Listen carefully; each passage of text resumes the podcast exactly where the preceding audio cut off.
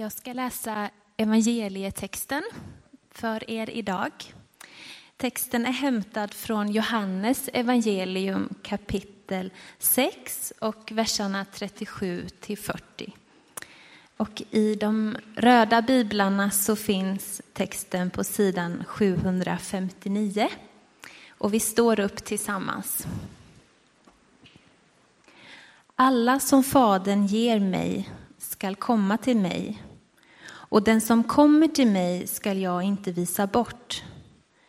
Ty jag har inte kommit ner från himlen för att göra vad jag själv vill utan för att göra hans vilja som har sänt mig.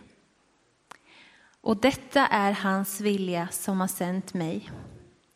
Att jag inte ska låta någon gå förlorad av dem som han har gett mig utan låta dem uppstå på den sista dagen. Ty detta är min faders vilja, att alla som ser sonen och tror på honom skall ha evigt liv, och jag ska låta dem uppstå på den sista dagen. Så lyder det heliga evangeliet.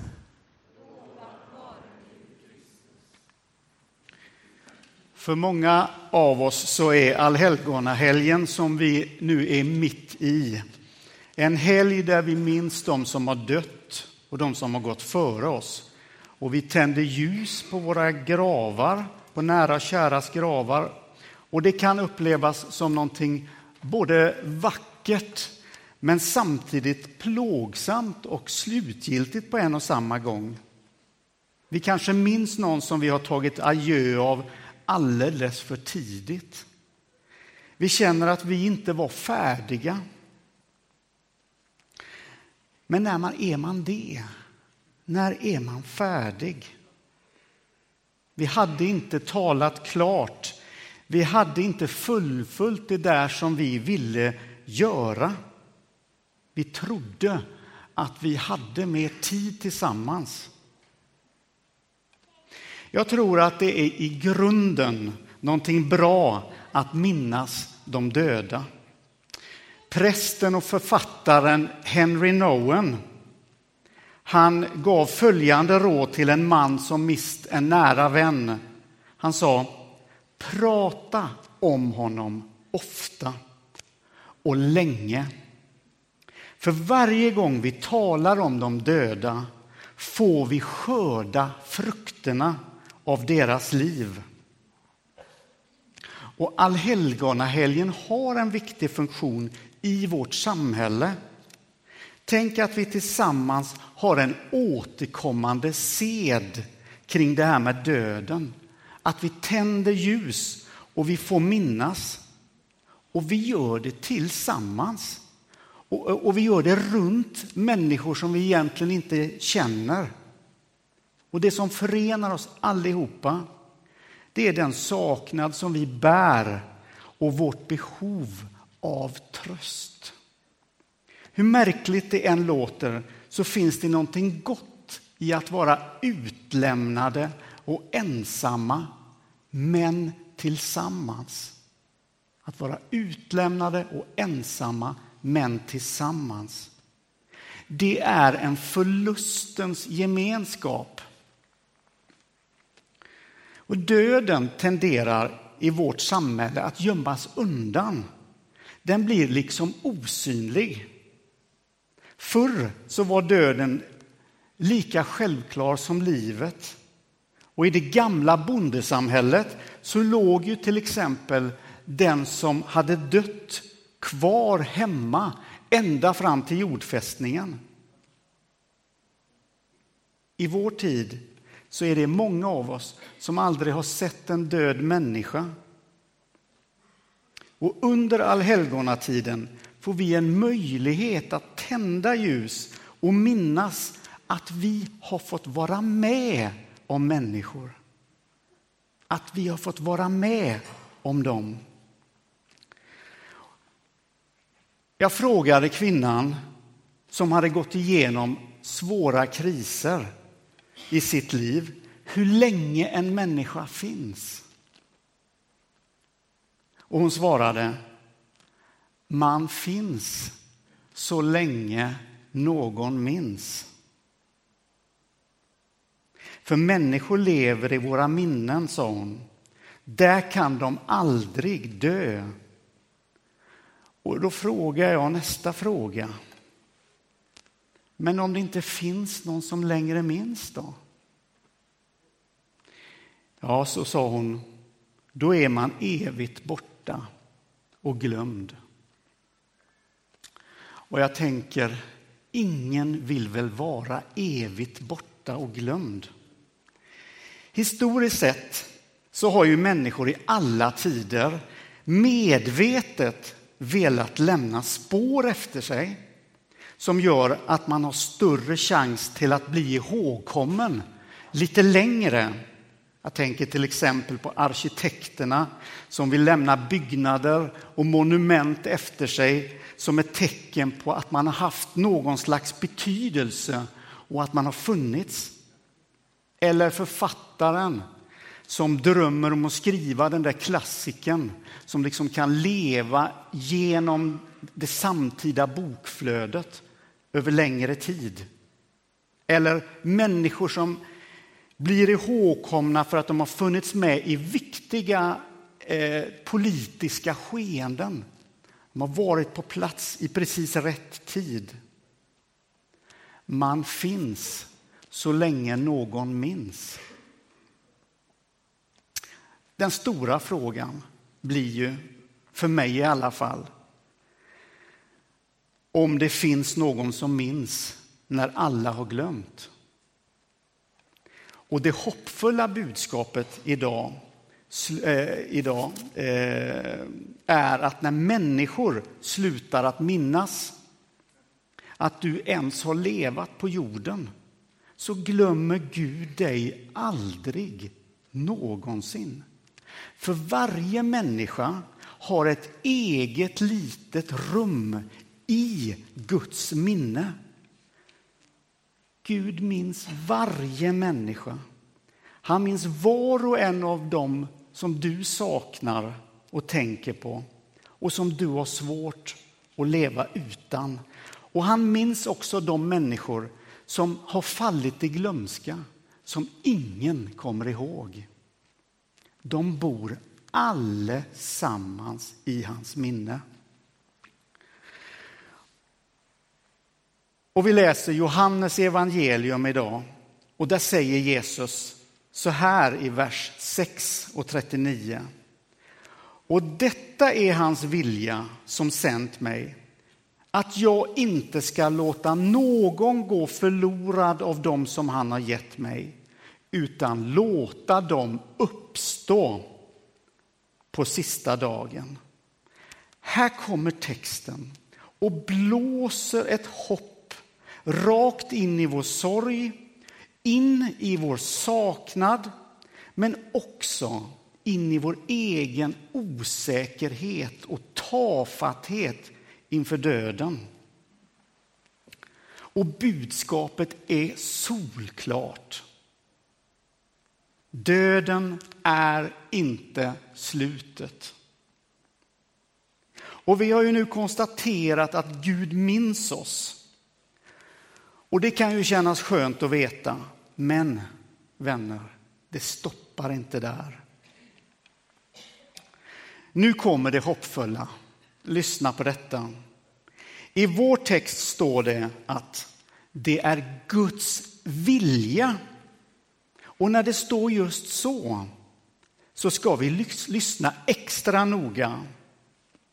För då kan vi vara säkra på att han också ställer alla resurser till förfogande för, det, för att det ska bli som han vill. När det står att det är Guds vilja. Och det här är någonting som vi ser genom hela Bibelns berättelser. För Gud leder alltid en tanke till en handling. Han tänker inte bara det är ju inte så att han är en Gud som talar vackra ord och sen går och gör något annat. Han gör allt för att det ska bli som han vill. Och den största insatsen, eller resursen som vi pratar om, som han någonsin har satsat, läser vi om i vers 38. Och det är Jesus som förklarar att han själv ingår i en större tanke, i en större plan. Ty jag har inte kommit ner från himlen för att göra vad jag vill, utan för att göra hans vilja som har sänt mig. Och det väger ju oerhört tungt Nej, det är Gud själv som vill att vi ska uppstå på den sista dagen och ha ett liv tillsammans med Gud på andra sidan döden.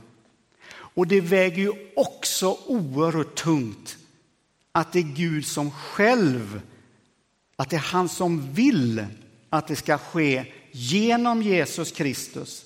Den insatsen borgar för någonting stort. Vi kan höra alla möjliga teorier i vår tid och tankar om det här, vad livet är efter döden och så där.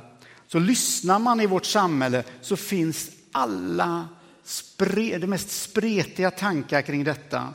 Men ofta så är de tankemässiga hemmabyggen, om man får uttrycka sig lite slarvigt. Alltså, man formar en tanke som känns bra och som fungerar utifrån en själv. Och någon säger kanske, ja, jag tänker så här. Och en annan svarar, ja, ja, jag tänker så här. Och så avslutas samtalet med att det är väl fint att vi kan tycka olika, du och jag. Men den underliggande tanken är att det är fult att tala om en objektiv sanning. Det transcendenta har i någon mening blivit su sub eh, subjektivt. Vår text handlar ingenting om vad människan tänker utan uteslutande om hur Gud tänker och tänker att handla. Det är inte bara mina önskningar eller fromma förhoppningar det handlar om här. Det är något betydligt större. Det ligger i Guds intresse att öppna sin himmelska värld för oss den dagen då livet tar slut. Det är hans önskan, hans vilja. Och jag tycker det sammanfattas så gott i vers 37. Den som kommer till mig ska jag inte visa bort, säger Jesus där. Hör du den himmelska gästfriheten i Jesu ord här? Och den riktas till dig och den riktas till mig och den riktas till alla de vi saknar och sörjer.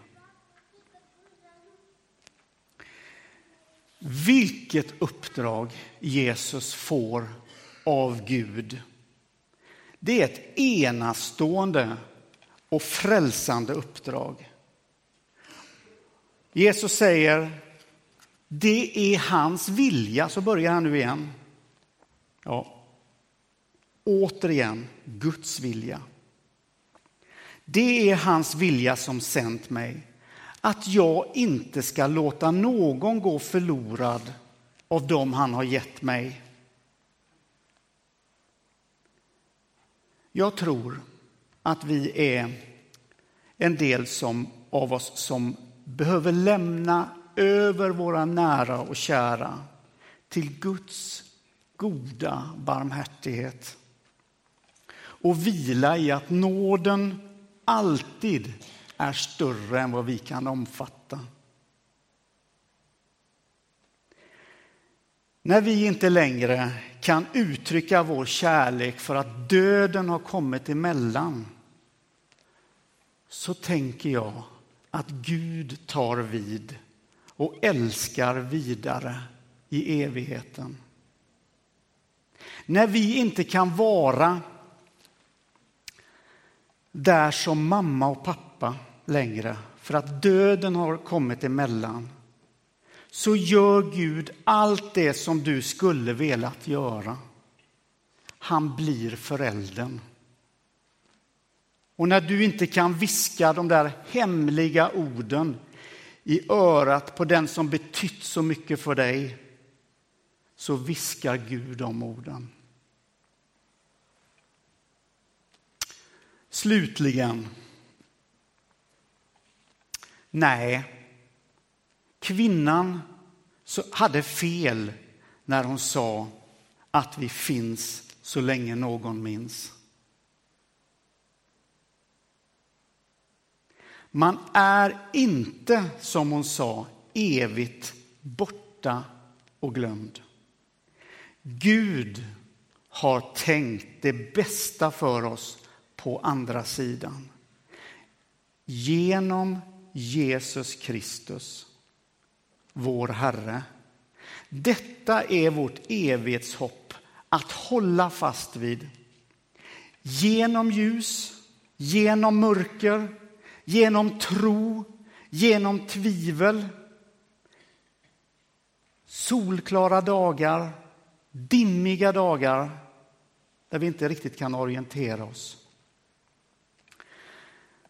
Att vi får hålla fast vid hoppet att Gud drar till sig oss och att vi ska få vara tillsammans med honom i en gemenskap som aldrig någonsin kommer att ta slut.